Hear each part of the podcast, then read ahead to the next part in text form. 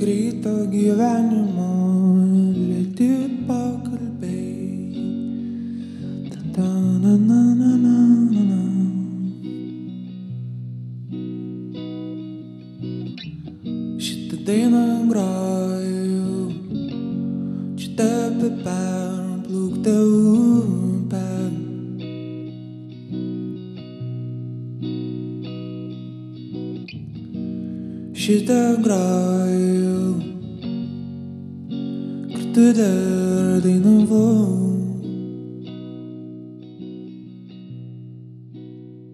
Kiekvieną kartą ruošiant įžangą man e, pastaruoju metu iškyla tas pats klausimas, kaip man įsiterpti į kas kart vis naują muziką su kitokia nuotaika, svoriu, klausimais. Nežinau, kiek man pavyksta suskambėti kartu.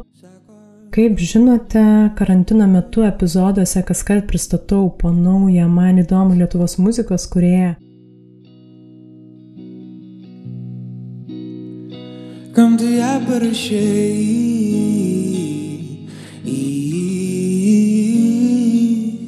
Juk tokių nieks neprašo. Širdį jos drąs, kam tu ją parašai?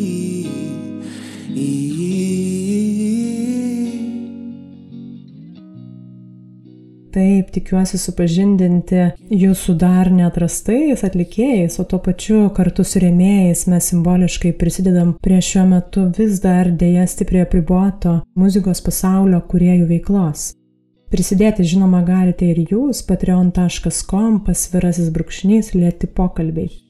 Šį kartą buvo visiškai aišku, kieno kūrinys skambės įžangoje, nes šiandienos pašnekovas Tautvidas, prie kurio dar tikrai grįšiu, pats turi nekuklę albumų kolekciją net po dviem skirtingais pseudonimais. Pandemijos pradžioje paleidęs Junior A, jis persikūnijo į FC Baseball ir nieko nelaukdamas tikrai sparčiai jaukinasi skaidrius, atvirus akustinius garsus, Tu kur skaudėjo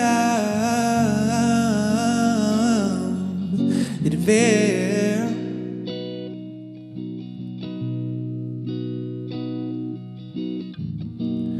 Ta kur skaudėjo jam, bet net nepasakyk kodėl. Dabar girdit kūrinį Perplaukta upė iš ką tik pasirodžiusio FC Baseball albumo Vorai. Nežinau, kodėl podcast'ui taip nuskilo, bet e, šitą kūrinį, kurį dabar girdite, mums tautvidas specialiai įdainavo vieną dieną savo studijoje. Toks melancholiškas ir kiek skaudulingas, tikrai taikliai įveda ir į mūsų su tautvidu pokalbį, kuris iš pirmo įspūdžio šiaip ir žaismingas, nerūpestingas, bet prieartėja prie įvairių tautvido vidinių virsmų, visą paralyžiuojančios baimės, jausmo, kad esi nieko vertas ir įpročio kaišioti savo pačiam pagalius į ratus. O tam, kad visą tai pamatyti, pripažinti ir pasirinkti eiti savo baimių link, o ne bėgti nuo jų, teko pasiekti dugną, nuo kurio pavyko stipriai atsispirti.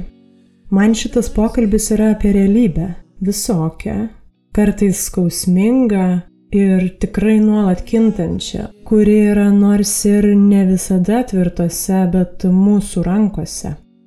Pratęsiant šitą temą, su pirma lietuviška audio knygų platforma audioteka.lt, šį kartą rekomenduojam jums psichologijos profesoriaus Jordan Peterson knygą 12 gyvenimo taisyklių, kuri būtent ir ragina prisimti atsakomybę už savo gyvenimą, ieškoti prasmės, o ne laimės, kartais gal ir skausmingai atsisakyti atgyvenusių taisyklių ir nuolat transformuoti, perkurti tas nusistovėjusias tradicijas, kai pokytis tikrai yra būtinas. Šią ir visas kitas audioteka.lt knygas su kodu lėti pokalbį klausykit su 25 procentų nuolaida iki pat birželio antros dienos.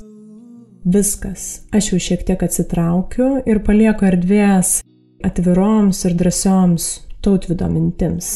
Gero klausimo. Tu dar dainavau.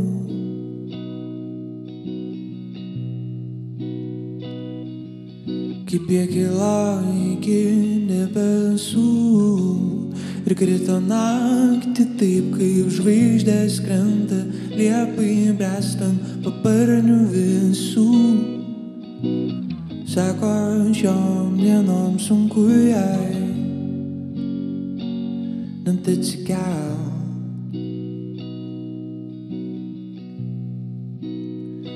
Kam tu ją parašai?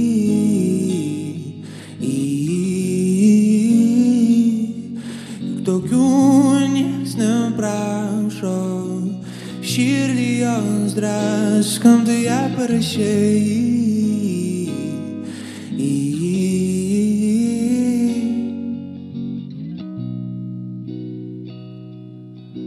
Tokiems kaip tu viskas vienodai.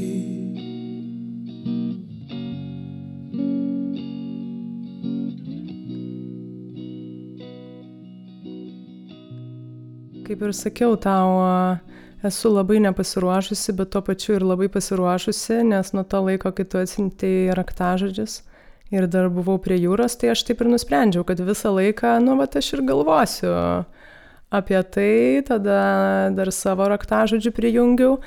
Ir jo, ir aš tada kažkaip išsigrininu tiesiog daug tokių įdomių temų, kurias nežinau, kodėl aš su tavim noriu paliesti. Kaip ir sakiau, apie muziką mes nekalbėsim tiek, kiek natūraliai nebent išeis. Man įdomu buvo, kai mes susiskambinom prieš susitikimą ir jau ten sutarėm laiką, aš tavęs paklausiau, ar tu esi atsakingas. Ir man šitą visą laiką įdomu yra žmonių tiesiai šviesiai paklausti, nu pavyzdžiui, ar aš galiu tavim pasitikėti.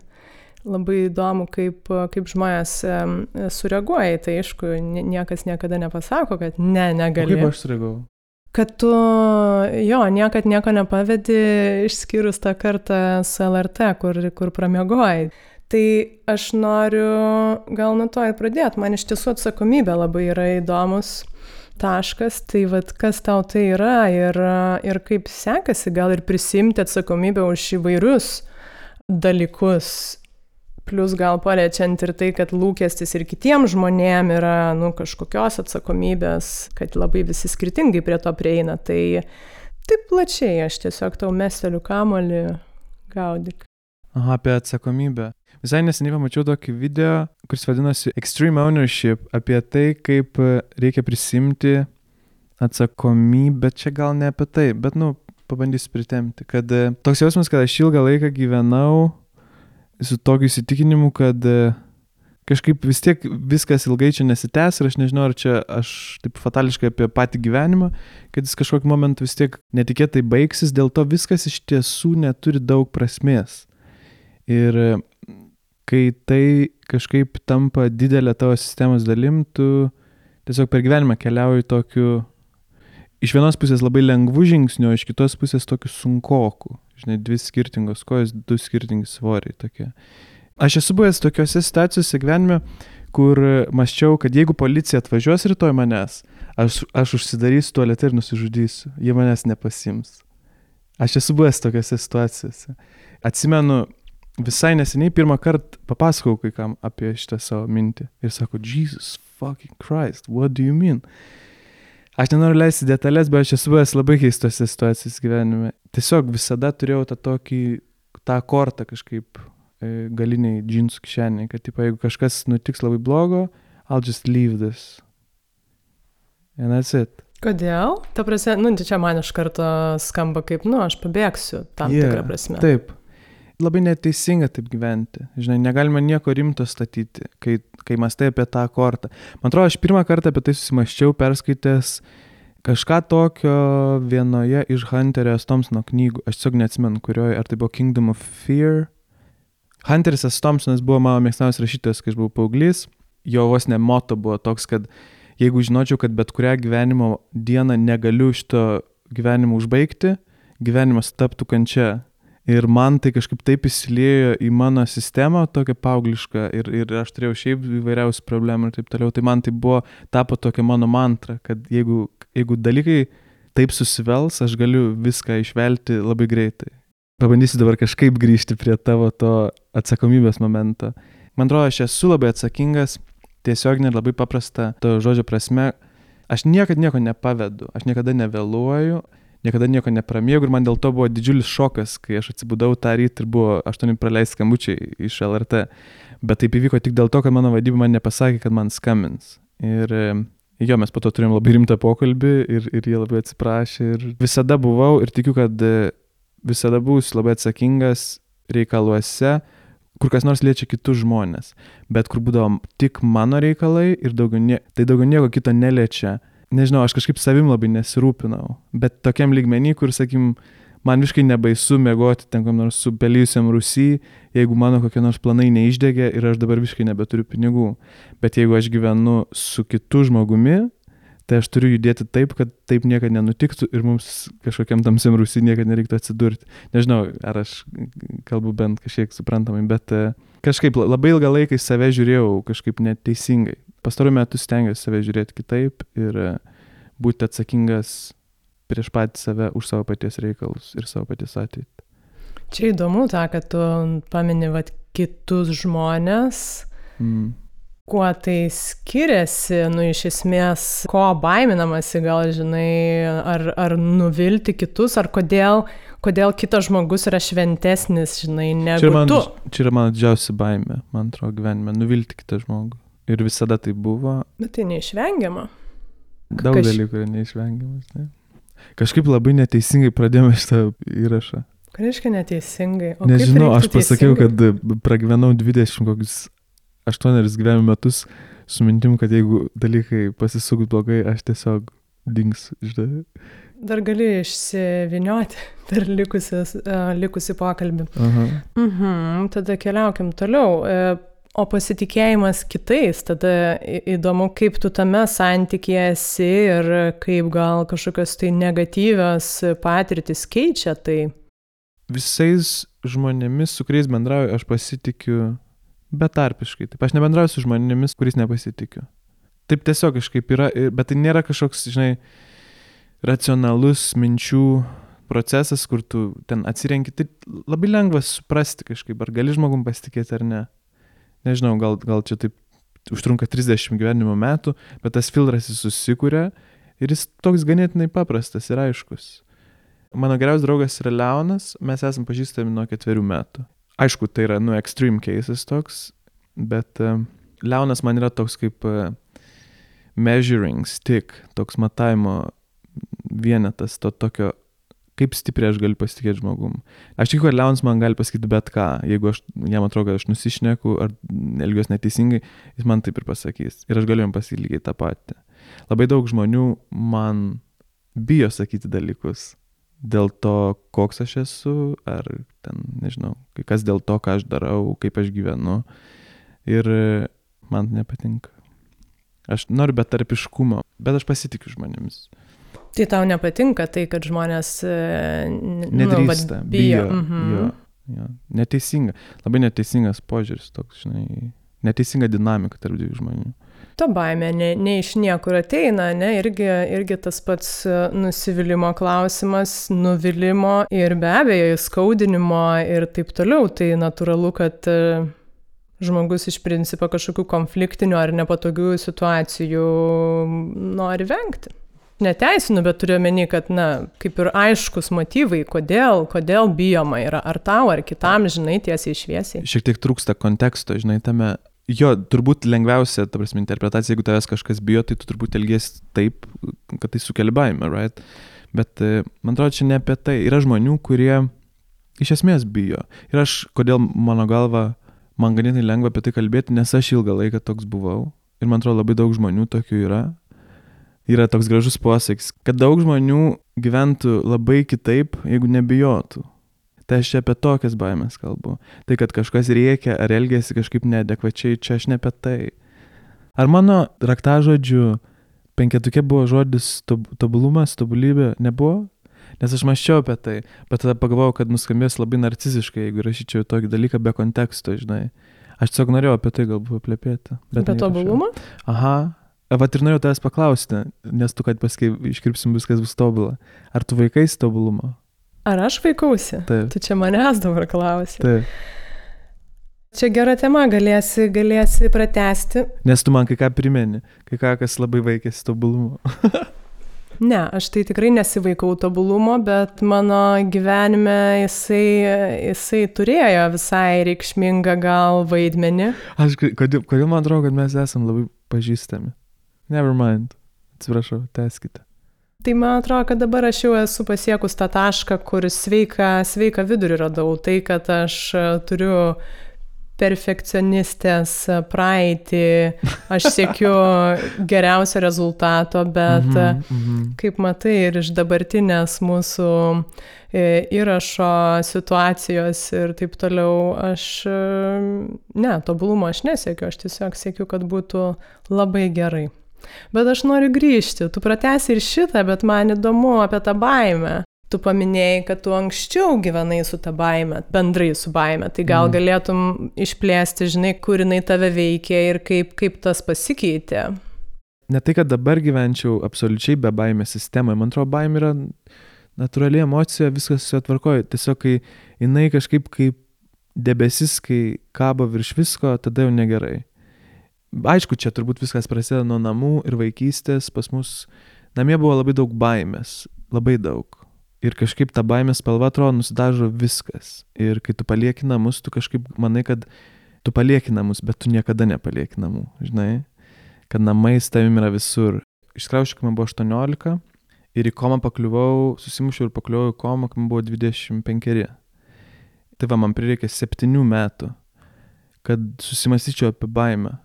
Ir netgi negalėčiau pasakyti, kad ten tą dieną viskas ėmė ir pasikeitė. Nieko panašaus. Tiesiog uh, pirmą kartą taip stipriai suvokiau, kad bijau. Arba suvokiau, kaip stipriai bijau. Kiek daug baimės mano gyvenime yra. Ko, ko bijai? Visko. Bijojai. O ta baimė tai e, tiesiog, nu tokio, sakau, nu jokingai skamba tokio plataus profilio. Konkrečiais pavyzdžiais tai pats paprasčiausias būtų tas. Aš visada norėjau, viskas, ko norėjau, turėjau vieną svajonę gyvenime. Rašyti dainas ir dainuoti žmonėms. Žinau, kaip jokingai kažkaip keistai skamba, nes ganėtai paprasta. Bet e, Tai nėra labai paprasta. Arba bent jau atrodo, kad tai yra labai sudėtinga ir praktiškai reikėjo numirti, kad, kad išdryščiau pabandyti. Mes prieš tai šnekėjom, kad visi pokalbiai visada būna apie muziką ir apie tos dalykus, apie kuriuos aš jau daug kartų kalbėjau ir aš kažkaip nenoriu to šito pokalbio pasukti atgal ten. Bet tai viskau, toks svarbus momentas, kuris kažkaip kaip pirštų parodė, važiuok tautvidai, kiek baimės. Nori čia būti, nori toliau taip gyventi. Ne. Ir tada, uf, man atrodo, tada aš ir nubėgau baimės link. Aš nenubėgau nuo baimės, aš nubėgau baimės link, nes nebuvo nieko kito, ko bijojau labiau negu lipti ant scenos ir dainuoti žmonėms.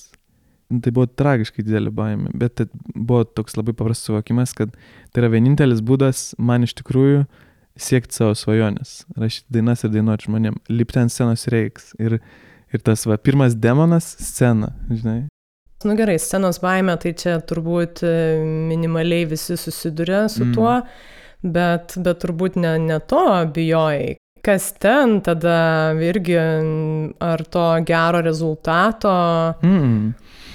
Ne, aš rezultatai niekada manęs kažkaip nedomino ir iki pat dabar nedomina. Kažkokia keista prasme. Man rūpi, man rūpi sėkmė, man rūpi komercinė sėkmė, man rūpi visi tie paprasti dalykai, jie rūpi, be jų neįmanoma, aš iš, iš jų moku šitą kambarį, turiu šitą laptopą ant stalo ir galiu kiekvieną dieną gyventi savo svajonę. Sėkmė yra svarbi.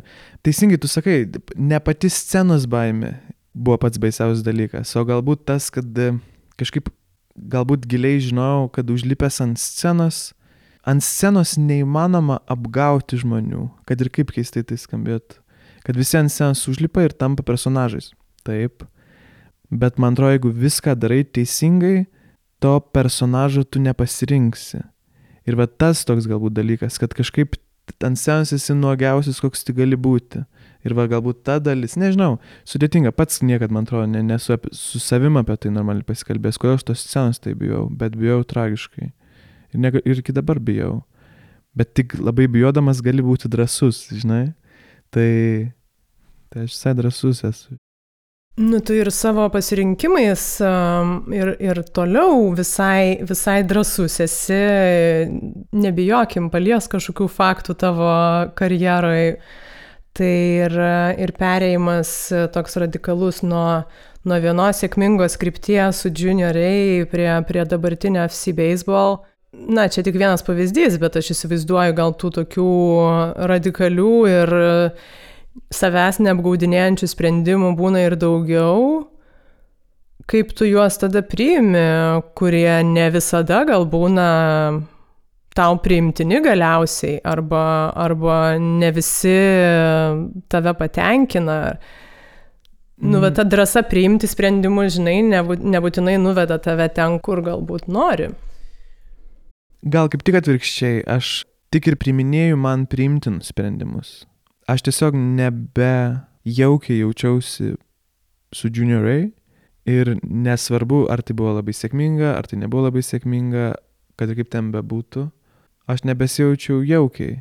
Tuo momentu man labai natūralu atrodė pradėti Junior A ir aš jį pradėjau. Tuo momentu, kai jį pabaigiau, atrodė labai natūralu jį pabaigti ir aš jį pabaigiau aš negaliu būti be muzikos, nes muzika nėra tai, ką aš darau, muzika yra tai, kas aš esu. Man reikėjo naujo, naujos upės, kurie plaukti ir tą dieną aš pradėjau FC baseball ir viskas. Įvardini, kad ir muzikoje nemeluoji savo ir, ir tikėtina tada, kad ir realybėj hmm, muzika ir realybė, aš nenoriu supriešinti šitų, bet, mm, bet tautvido, tautvido gyvenime sieki kažkaip irgi nemeluoti savo ar ne ir rinktis tokius pasirinkimus, kurie būtų tau tinkantis tavo pasirinkimai, mm. kur realybėj visgi save apgauni kartais, arba kaip, kaip jauti, kur truputį bandai save apgaudinėti. Geras klausimas. Turbūt reiktų gerai pagalvoti, bet ta tendencija būtų turbūt, kad kuo toliau, tuo mažiau apgaudinėjau save realiam pasaulyje tam. Nu, ne tik muzikoje. Dėl to gyvenu viešbutėje ir esu vienas. Čia, man atrodo, yra tokia tiesiog įkūnymas to nemelavimo savo dabar. Nes e, man atrodo, toks, koks dabar esu, aš negaliu galbūt būti iki galo kažkoks geras partneris kažkam, prireikė kažkiek laiko, kad aš tai suprasčiau ir supratau tai. Ir man dabar gyvenu tokioje, kaip ta vieta vadinasi, skaistykla, nes nesu nei, nei, nei danguje, nei pragare, žinai. Esu kažkur per vidurį. Arctic Monkeys pirmas albumas vadinasi Whatever people say I am, that's what I'm not. Man atrodo, I'm quite the opposite. Whatever people think I am, that's who I am. Aš, aš esu visi tie dalykai. Bet tai ar tai reiškia, kad tu, nu, vat, kažkaip užčiuopęs tą savo autentišką aš, save ir kažkaip jį išleidęs į, į pasaulį, be tų baimių, ar tada tu manai, kad tas autentiškas tu jis nebegali susidurti su kitais žmonėmis, nu, ta prasme, neberanda bendros kalbos? Ne, ir baimę aš turiu ir milijoną, tiesiog jas kažkaip mokausi pažinti ir mokausi jomis tvarkytis ir ir va tas dalis nemelavimo savo padeda. O dėl kitų žmonių, tai aš tikiu, kad turiu atsakyti savo į keletą klausimų, į kuriuos, apie kuriuos ilgą laiką galbūt daugiau rašiau, negu iš tikrųjų stengiausi pats savo juos atsakyti. Dabar vis dar apie juos rašau, bet stengiuosi juos atsakyti ir kai atsakysiu, man atrodo, būsiu fantastiškas partneris kažkam. Aš noriu turbūt grįžti truputį mm, prie namų, nes tu ir raktažodį man davėjai šitą ir truputį palėtėjau, bet aš kaip suprantu, tu namus tapatinį su, su šeima. Nu, ta prasme, kad tai namai nėra, na, fizinė erdvė. Tai man gal ir įdomu, vad ką tau tas e, žodis atneša ir nu, dabartinė situacija irgi tavo kažką tai diktuoja, man čia įdomu, kaip tu bendrai su tokiam vietom, žinai, yra žmonės, kurie, nu, vat, taškosi po pasaulį ir kur nusminga ten gyvena ir, ir viskas yra patogu, nu čia apie saugumo jausmą gal irgi, kiek tau reikia tokio atskaitos taško saugaus, kur būtų tavo namai, kur tu galėtum kartais grįžti. Mm. Ar, ar bet kur, kur tu va, dabar čia esi ir čia yra tavo atskaitos taškas. Ar tau to reikia, kam to reikia? Nežinau. Man net niekada nereikėjo gal atskaitos taško. Gal sunku vertinti, nes tikrai jaučiuosi, kad aš niekada neturėjau namų. Ir e, tikiuosi, kad šito nesiklausys ten mama, ar tėtis, nes jiems turbūt bus liūdna, bet jie žino apie ką aš. Vienoje dainoje dabar dainuoju, kad e, aš pasiklydęs vaikas, vaikis be namų. Nes taip ir jaučiausi visą gyvenimą, kad neturiu namų. Gal pradedu suprasti, kodėl taip jaučiausi, arba ką pakeisti, kad taip nesijaučiau. Ir tikiu, kad man ateityje pavyks. Ne tik taip abstrakčiai kalbant, e, atskaitos taškas, bet tai turės ir adresą, žinai, tai ir bus koks nors vėl ten beržų 3, žinai, ir ten bus namai. Ir e, ten kas nors lauks ir, ir aš noriai grįšiu ir, ir, ir taip toliau. Nežinau, bet tuo pat metu ir sakiau tą, kad namai niekada tavęs nepalieka, žinai. Nežinau, dviprasmiškas dalykas tie namai. Bet tai kas tai yra, nu ta prasme, nu tu ir adresus mini, bet uh, tu adresus žinai, turėjai. Ja, ja. Tai vad, ja. tu sakai vaikis be namų, bet tai kas visgi yra tai, ko nėra ar nebuvo. Ar kas bus, žinai, ko, ko tu norėtum. O kas tau yra namai? Čia yra lengviausias būdas išsisukti nuo klausimo. Ir ne pirmą, ir ne dešimtą kartą taip atsisuka į mane. Tada gal mums lengviau atsakyti. Ta prasme, žinai, aš šitą, aš apie tai klausiu ne tik dėl to, kad tu e, raktažodį parašiai, bet ir prieš tai paminėjai, nes man šita tema šiaip labai įdomi yra. Ta prasme, mm. aš iš savęs esu pastebėjusi, kad man namai tiek savo fizinė, tiek visa emocinė erdvė yra be galo svarbus. O tu turi namus, tu turi adresą. Aš turiu adresą. Tai man, nu, bet ir e, kelionių metu, aš, pavyzdžiui, esu labai nelanksti prisitaikymu. Dėl to mano atskaitos taškas yra tie namai, kuriuose nesvarbu, koks ten adresas bebūtų ir ar tai nuomojamas kambarys, ar, ar kas tai bebūtų. Tai, tai man šitas yra svarbu ir aš žinau dėl ko, dėl to saugumo jausmo, kad kai aš esu bet kur uh, pasaulyje, ar nežinau, ar Vilniui vaikštau ir man staiga yra labai nesaugu, aš turiu prisičekinti. O kada tau pasidaro taip nesaugu? Tavrasi mes galim kalbėtis, bet aš nežinau, ar klausytojams įdomu bus, nes jie atėjo čia su tavimi susitikti. Man bet kada pasidaro. Man dabar gali pasidaryti nesaugu. Ir tada tu išvažiuosi namo?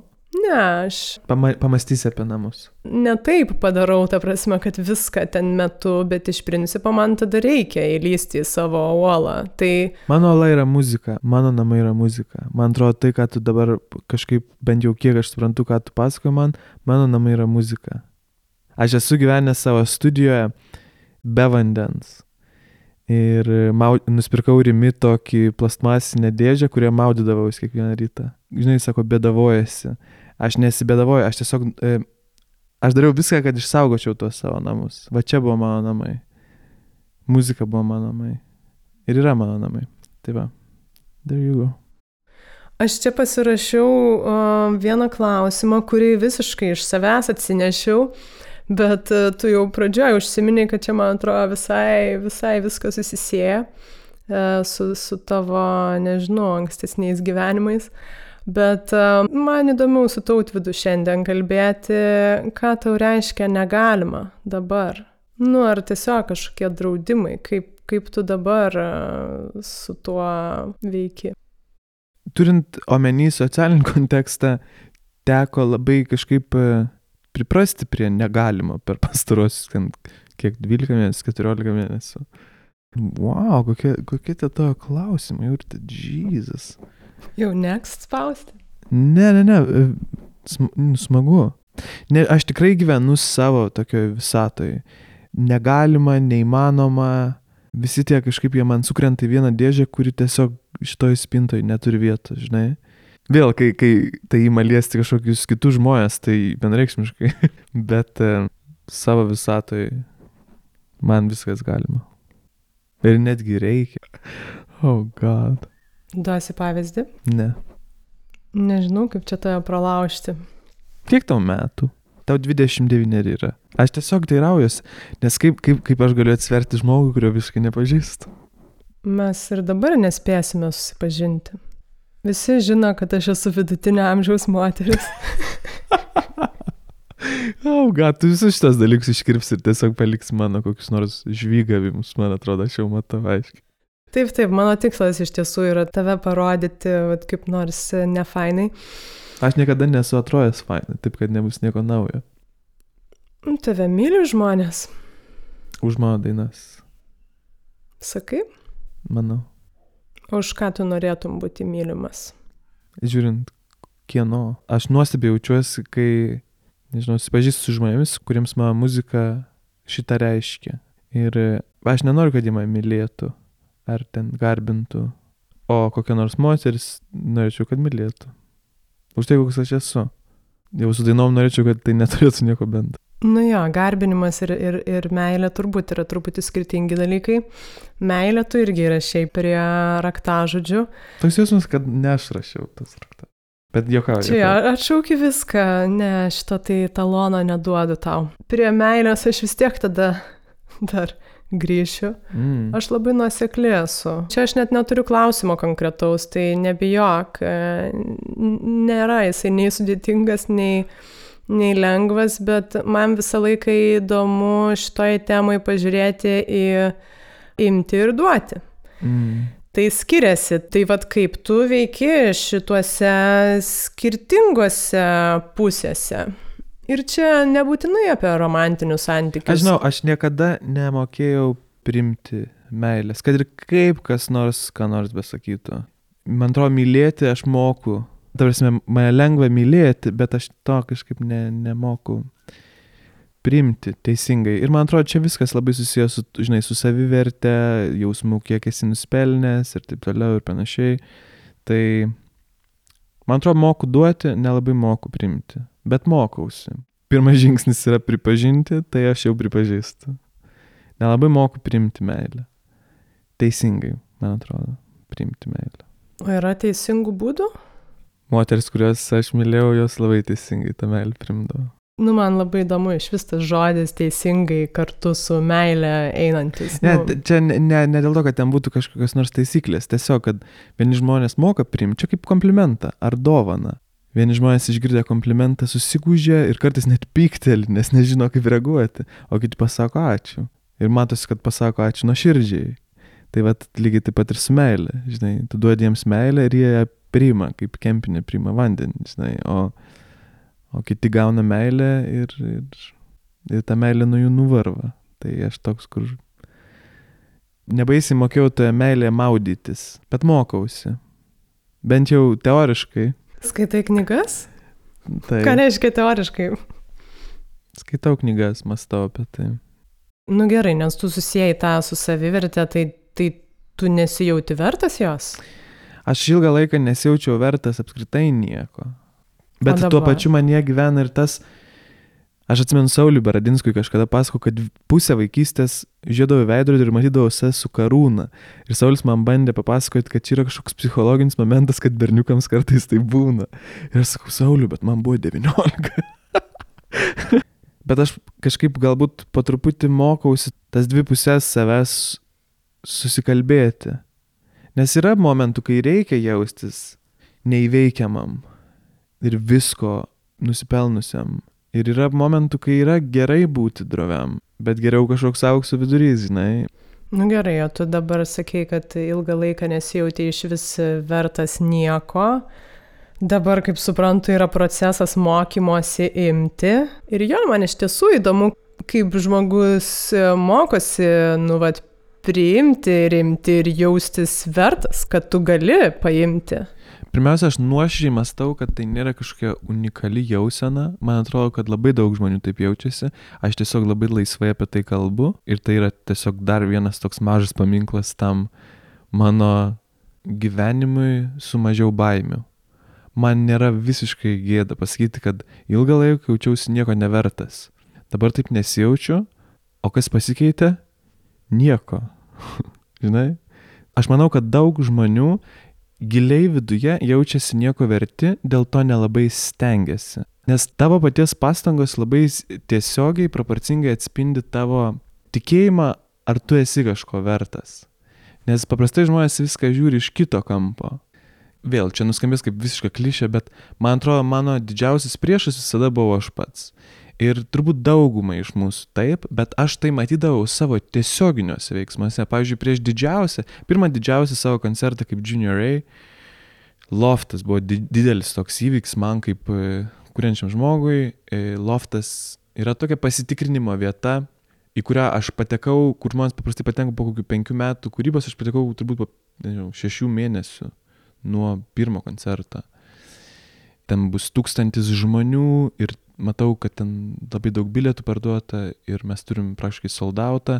Ir aš naktį prieš tai sugalvoju padaryti dalykų, kurių nereiktų daryti prieš jokį svarbų tau gyvenime įvykį. Ir aš tai darau ir suprantu, kad tai darau ir net nesprantu, kodėl tai darau. Aš tiesiog kišu savo pagalį stipinus ir žinau, kad tai darau. Ir vis tiek darau. Ir čia toks labai nudurnas pavyzdys, bet tai būdavo, kur pats savo tiesiog perdurdavau padangas. Ir man atrodo, tai buvo taip beproškai susijęs su tuo, kad aš nesijaučiau to nusipelnęs, nesijaučiau to vertas. Turėjau kontraktą su labelu iš UK, kurie išleido mano pirmąjį EP ir jiems parašiau gal 17 e-mailų iš eilės apie tai, kad jie manęs nesupranta ir jie mane dropino. Ir mano ten turas, kuris turėjo būti Paryžius, Berlynas, Londonas, jo neliko. Ir aš tiesiog vėl sėdžiu su nieku, su nuliu, su, esu visiškoj starto pozicijoje. Ką tik turėjau nulį, tada turėjau viską ir dabar vėl turiu nulį. Ir jaučiu, kad man tai nieko nereiškia. Kad aš nesu nei truputį liūdnas, Ir kai bičiai iš UK atskrido su manim pavakarieniauti ir sako, tu esi vienintelis unikalus artistas, kurį pamatėm nuo 2018 ar ten nuo 2017 metų, per pastarojus du metus. Ir tai sako žmonės, kurie pasaino tokį duetą kaip Smers, kurios po to pasirašė kontraktą su Excel Recordings, su kuriais kontraktą turi Adele, e, Big Moon, su kuriais po to pasirašė kontraktą Columbia. Paskutinis jų atrastas talentas buvo Jimothy Lacoste. Žodžiu, jie atranda kultūrinius momentus ir tai yra įvykę penkis kart, vienas iš tų penkių esu aš. Ir aš jiems parašiau 17 e-mailų apie tai, kaip jie manęs nesupranta ir jie mane prametė. Ir manęs tai net nenuliūdino. Ir aš suvokiau, kad aš turiu rimtų problemų. Ir čia tu ir kalbė apie tą savivertę, kad tu... Kad aš nesijaučiu nusipelnęs tų dalykų ir kai jie atsirado, aš nesidžiaugiau ir kai jie dingo, aš nenuliūdau. Ir tada suvokiau, kad tai yra labai net, kad aš, aš tiesiog esu fundamentaliai labai netaip surestas. Ir reikia rasti, kodėl aš taip jaučiuosi. Dabar aš jaučiuosi visiškai kitaip. Vakar su Neriju Kuzmicku šnekėjom apie tai, kad, sako, apie tai visi kalba dabar. Apie FC baseball kalba. Sakau, kur aš benuinu, žmonės kalba apie FC baseball. Sakau, tu jauti pats tai. Sakau, galbūt šiek tiek, bet aš jau buvau šitoje vietoje. Ir aną kartą aš paėmiau pistoletą nuo stalo, prisidėjau į prie smilkinių ir paspaudžiau. Žinai, ir, ir, ir vis tiek viskas ėjo toliau. Ir dabar jaučiuosi šitoje vietoje, bet jaučiuosi, kad dabar vyksta dalykai ir čia tuo ims sproginėti žiedlapiai, žinai, ir viskas bus gerai. Ir man atrodo, šį kartą aš suprantu, kas vyksta, šį kartą aš bent jau stengiuosi to mėgautis ir gal netgi jaučiuosi šiek tiek to nuspelnęs. Apie tobulumą ten prieš tai paliečiau ir tu norėjai pratesti, bet nepratesi. Tik dabar bus labai sunku čia įpainioti. Net, viskas gerai. Aš nebesivaikau tobulumo. Labai yra tokių aiškių ir paprastų išraiškų to nesivaikymo. Pavyzdžiui, paprastas dalykas. Mes įrašėme gyvą koncertą Agatai, e, autorių gynimo, lalala. Ir po koncerto mes turėjome galimybę pasimti garso takelius ir visiškai tobulai sutvarkyti garsą. Ir taip atiduoti žiūrovui, arba paduoti taip, kaip pagrojom. Aš būgnininką, su kuriuo grojom, mačiau antrą kartą gyvenime. Mes repetavom vieną kartą. Ir viskas ten buvo taip impulse driven, ten viskas buvo tiesiog buvo linksma.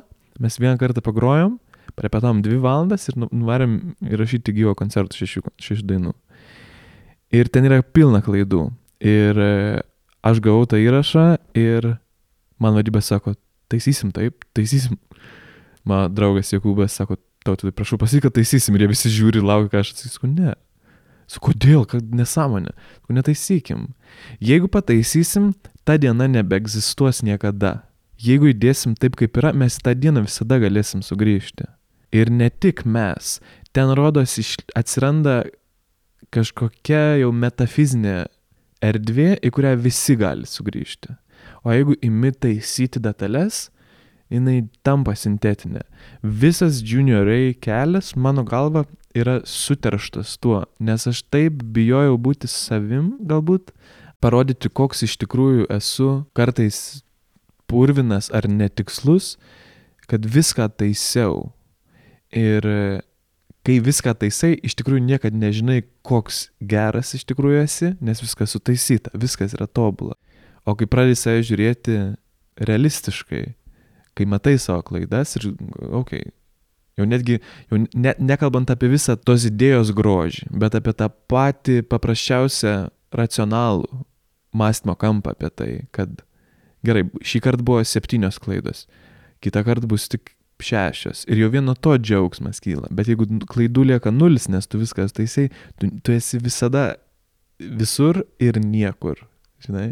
Tai man tas e, momentas to nebesivaikymo tobulybės, toks bepaškai žavingas ir jis leidžia taip atsipalaiduoti. Lygiai taip pat buvo, kai gavau savo gyvą padainavimą gyvenimo iš Sapiens Sauliaus Bradinsko. Pamačiau save, matau, kad matau matau raukšlės, jaučiu, kad e, ne, ne visai gerai intonuoju pradžią ir ne visai jaučiu ritmą, nes negirdėjau metronomo, bet tiesiog dainavau ir kai padainavau, iškart nuėjau, sakau, Sauliu šitas ir viskas. Ir atsiuntė vadybą pasižiūrėti, ar kažką taisom, sakau, nieko netaisom. Nustokime mes klausinėti, ar ką nors taisysim. Niekada nieko nebetaisysim. Nes, e, nes man dabar tai atrodo teisinga ir viskas. Bet tavo pirma reakcija, kad ir šitą pavyzdį paėmęs, tu... Matau klaidas. Jo, tu matai jas. Taip. Ir, pal, ir leidžiu joms būti. Kaip tu tuo momentu jautiesi, nu tu pirmas tavo įspūdis yra, kad, nu, feilai.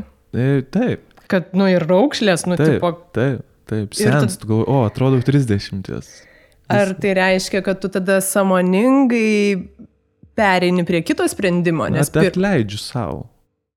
Pirmą kartą gyvenime įmu savo atleisti, įmu pripažinti, kad klystu, įmu pripažinti, kad senstu, įmu pripažinti, kad darau klaidas ir atleidžiu savo už tai. Ir leidžiu joms būti. Aš nenoriu būti klaidų maišas, aš jas taisau, aš kiekvieną dieną labai sunkiai dirbu. Bet esu toks, koks esu. Ir viskas. Ir, ir važiuojam toliau. Tavrasme, tobulėkim, aukim, senkim, Tegu viskas vyksta taip, kaip turi vykti, o ne kažkaip imituokim tobulumą, nes iš čia kyla įtampa. Žinai? Ko negalėtum savo atleisti? Nu dabar tu apie atleidimus kalbėjai. Viskas, kas liečia kitus žmonės, man vis dar yra labai sudėtinga. Aš esu įskaudinęs daug žmonių. Tikrai ne savo norų. Tiesiog taip nutinka. Mane visą gyvenimą buvo kažkaip labai lengva įsimylėti O kai kas nors tave įsimylė, labai lengva juos įskaudinti, labai paprasta. Su tuo momentu man vis dar sudėtingai galbūt sekasi tvarkytis, nes aš vis dar netyčiai skaudinu žmonės. Ir aš tai pamatau, jau ir būna per vėlu ir galvoju, oh, fuck. Dėl to dabar stengiuosi būti vienas. Bet Kol yra... suvoksiu, kaip sutvarkyti šitą dalyką. Bet ir dabar sėdžiu tam ir flirtuoju. Ir man net nėra nepatogu pasakyti. Aš flirtuoju. Aš toks esu, aš toks visada buvau ir tai atneša rezultatus, kurie man nepatinka. Aš, aš niekada nebuvau žaidėjas, bet aš visada žaidžiau. Ir man tai nepatinka. Nes rezultatas nėra toks, kokio aš noriu. Nes aš visada norėjau žmonos, vaikų ir šeimos ir visų tų gražių dalykų. Daug kartų buvau arti to, bet niekad ten nenukakdavau. Ir man atrodo, man reikia atsakyti keletą klausimų savo pačiam ir, kaip jau sakiau, būsiu nuostabus partneris. Nu jo, bet, bet įskaudinimai yra, tai kiekvieno keli daugiau ar mažiau jų pasitaiko, nu, ta prasme, tai yra absoliučiai neišvengiama. Čia įdomu, kad Čia... va, šitos, šitos savo pusės, šit, šito savęs, nu, šitos savo, bet net ne klaidos, natūralybės kažkaip nenori priimti. Kad aš esu. Kad tu toks... gali skaudinti. Ne, nu turiu menį, aš nesakau. Aš suprantu, kad sakai, aš suprantu, kad sakai. Čia yra kaip e, ta neintonuota nata arba nepajaustas ritmas dėl metronomo trūkumo. Tai nėra gerai. Aš priimu, kad taip yra, aš dabar labai aiškiai suprantu, kad taip darau. Vis dar nes, nesuprantu, kaip intonuoti ir kaip jausti ritmą šitoj vietoj. Man vis dar nesiseka. Šitas pokalbis tampa nebe pokalbis, čia yra terapija. Galiu papasakoti, ką tu turi. Ta prasme. Kokia tik nori. Ką aš turiu? Kuo toliau, tuo labiau įimu jausti keistą atsakomybę už tai, ką nešiojuosi. Ar tai yra krūtinėje, ar galvoje, ar kažkur. Kas kart, kai paimu gitarą ir rašau kažką, aš kažką parašau.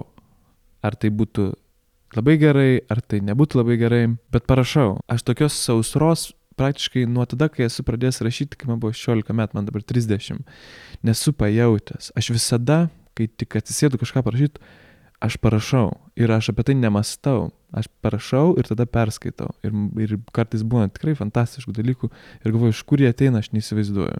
Dėl to man ganėtinai lengva išlikti kukliam dėl to, ką esu nuveikęs, dabar rodau kabutes, nes man tikrai atrodo, kad ne aš tai nuveikiau.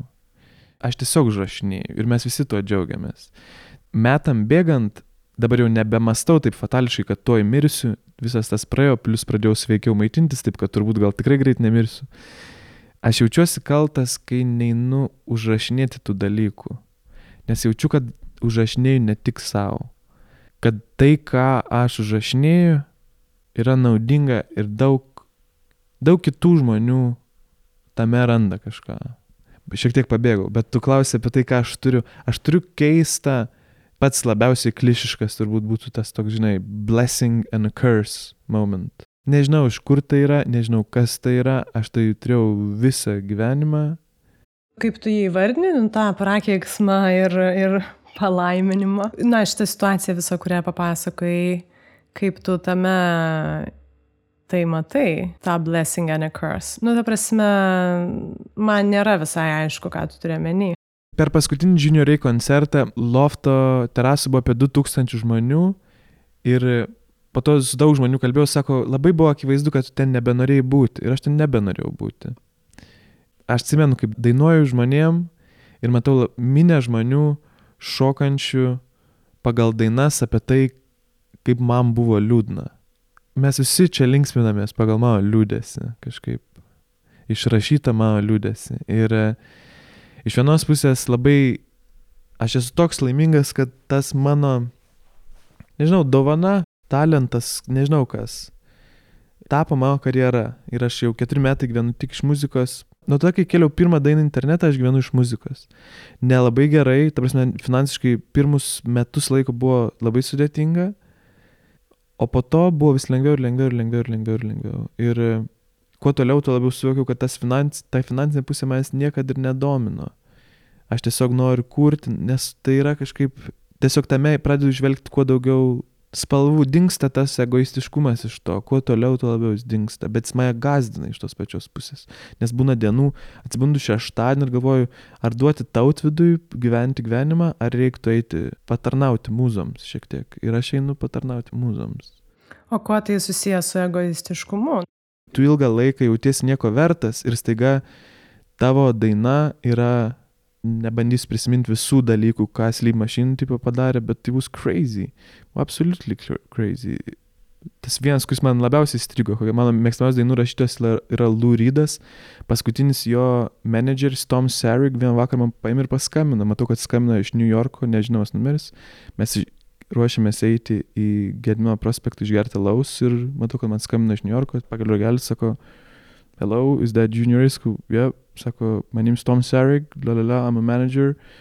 I just came across your song, Sleep Machine, and I'm very interested in managing you because I believe you could do a lot of things culturally. Ir sakau, what's your name again? ir pradėjau googlinti ir it's crazy, it's Tom Sarek. Ir aš, mes end upinom, prašnekėm, kad pusę valandos apie lūrydą, nes man buvo žymiai įdomiau kalbėti apie lūrydą. Kai tu esi išplungęs ir e, kai tu vieną tavo pusę tiesiog reikia tau kažkaip jausti, kad tu esi nieko vertas, tu esi nieko vertas, tu esi nieko vertas. Ir kai ima vykti tokie dalykai, lengva tapti egoistu. Lengva tas pat, žinai, susirgti žvaigždžių lyga, bet žvaigždžių lyga garantuoju, kad dauguma žmonių, kurie klausys šitą podcast, galvos, aš net nežinau, kas tas čiuvas yra, apie kokią žvaigždžių lygą jis kalba. Žvaigždžių lyga gali susirgti sėdėdamas vienas pats kambarį. kur niekas tavęs net nemato, žinai. Čia ne apie tai, čia apie tai, kaip tu jautiesi viduje už tai, ką nuveikiai, arba kaip žmonės tai reaguoja.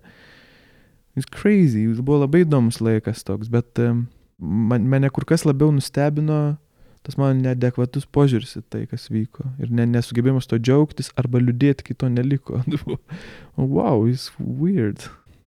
Bet čia dabar galvoju, nu, ta prasme, man sunkiai suvokiama tai, bet tuo pačiu turbūt tik tas tavo gebėjimas tau leido pajudėti kitą linkmę, nu, kurios tu ir norėjai, be kažkokių esminių nuoskaudų turbūt, nes kitaip tu turbūt nebūtum pajudėjęs. Be tokio to tam tikro šaltumo ar apatiškumo, kaip tu sakai, kad nei džiaugtis, nei liūdėti. Nežinau, man atrodo, jeigu būčiau mažiau apatiškas, galbūt ir nebūčiau visko sugadinęs. Nes pats savo ir sugadinau. Galbūt nebūčiau įsikūręs to momento ir nebūčiau jo sugadinęs. Aš apie tos dalykus mas ir mastau tik tais momentais, kai kas nors atkiša man mikrofoną į veidą ir klausia apie juos, žinai. Aš noriu dar prie to tautvido grįžti vargšo. Nevargšo. Kurį, kurį tas egoistas um, skriaudžia. Tai ką tautvidas tada nori veikti? Tautvidas dabar pastaruoju metu jaučiasi vėl kažkaip tik, tikiuosi, kad žmonės teisingai suinterpretuos, nusipelnęs namų, bet aš kalbu apie adresą jau. Tautvidas šiuo momentu pradėjo žymiai labiau rūpintis tautvidu įvairiais aspektais.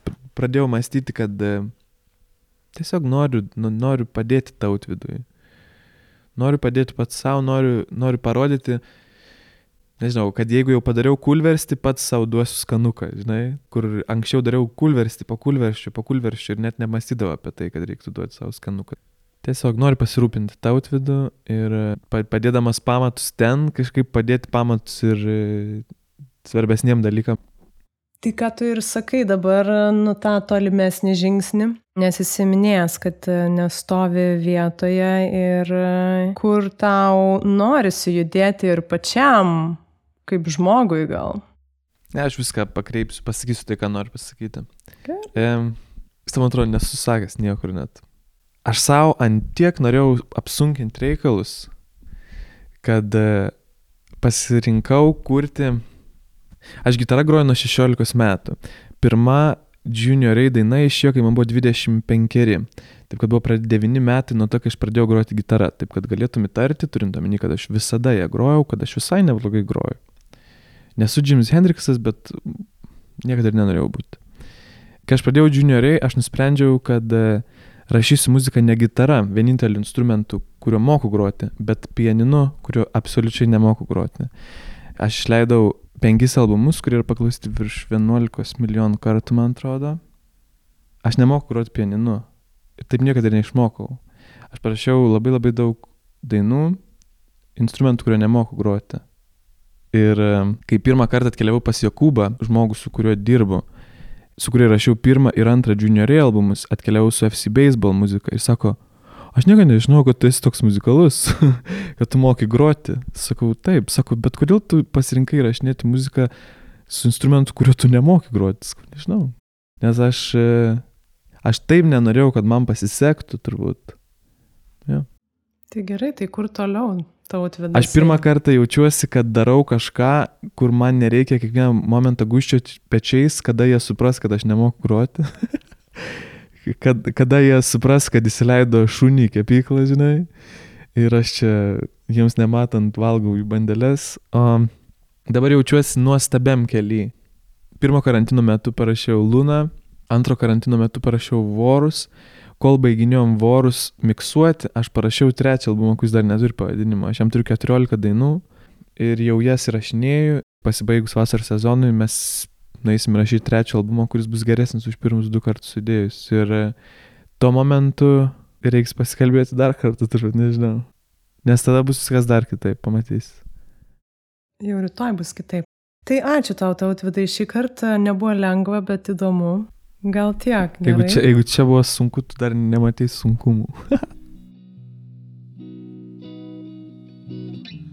Šitą dainą groju, Stappenpaar, ploeg de oerpaar.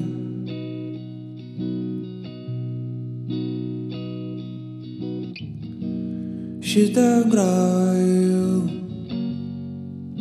que te der de novo.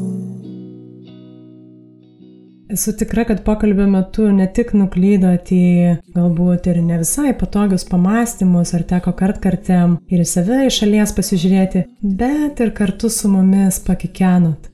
Labai vertinu tokius pokalbius, kurių sunkumas ir lengvumas labai gerai balansuoja. Žinau, kad kiekvienas iš jūsų išsinešit skirtingus dalykus, kurie tik jums kažką viduje pakrapštys, bet nujaučiu, kad baimės tema yra be galo aktuali daugumai. Ir jis skverbėsi į mūsų gyvenimus įvairiausiais pjūviais ir formomis. Būtų labai smagu, jeigu tas baimės būtų galima tiesiog išjungti Man atrodo, tautvido ėjimas baimių link, susipažįstant su jomis, priimant jas, tikriausiai ir yra vienas iš stipriausių būdų jas išjudinti ir pamažu pamesti. Ačiū Jums, kad galim apie tai kalbėtis ir e, kas kart su mažiau baimės. Nepamirškim, kad šitie pokalbiai jau tris metus taip stipriai mus visus išjudina tik podcast'o bendruomenės dėka. Podcast'o kūrimą dalinai finansuoja Spaudos, radio ir televizijos remimo fondas ir Žygimantas Kvarčevskis. Podcast'o draugai Vilniaus universiteto radio stotis Start FM, portalas 15 minučių ir labai labai daug jūsų prisidedančių Patreon platformoje. Šį kartą prie Patreon draugų prisijungė Marija Urbaitė, Monika Šaltenytė ir Austėja Janickaitė. Jei norit prie pokalbių kūrimo simboliškai prisidėti ir jūs, tai galit padaryti patreon.com pasvirasis brūkšnys lėti pokalbiai. Podcast'o pokalbių kolekcijoje jau virš 70 epizodų, juos visus rasit Spotify, iTunes 15 min klausyk ir kitose programėlėse bei karalaitė.com pasvirasis brūkšnys podcastas. Jau tikrai žinot, tik priminsiu, kad epizodai išeina kas antrą trečiadienį, bet jų tikrai nepraleisite ir gausite galimybę pamatyti ir podcast'o kūrimo, užkulisių susipažinti su mūsų bendruomenė ir muzikos kuriejais artimiau, jei seksit podcast'ą Instagram ir Facebook paskyrose. Čia podcastas Greito gyvenimo lėti pokalbiai, su jumis kaip ir kiekvieną kartą buvau aš, Urte Karalaitė, o šį kartą kartu kalbėjomės ir su muzikos kuriejų Tautvidu Gaudėšiu, arba FC Baseball, kurio kūrinį perplaukta upė dabar girdite. Iki kitų kartų mylėkim realybę visokią, nesakysiu nebijokim, bet pradžiai tikrai galim pabandyti su tą baime būti.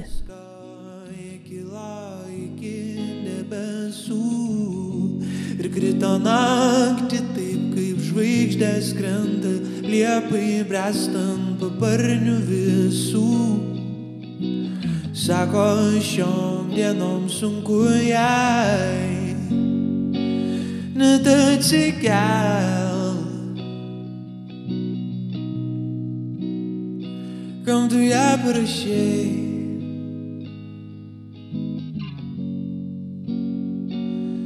Juk tokių nieks neprašo, širdį jas dras, kam tu ją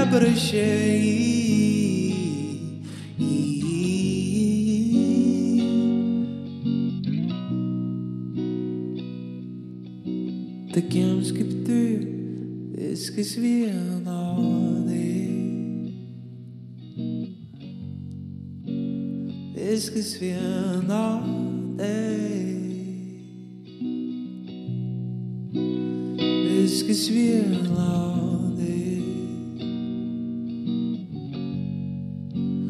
Viskas vienodai.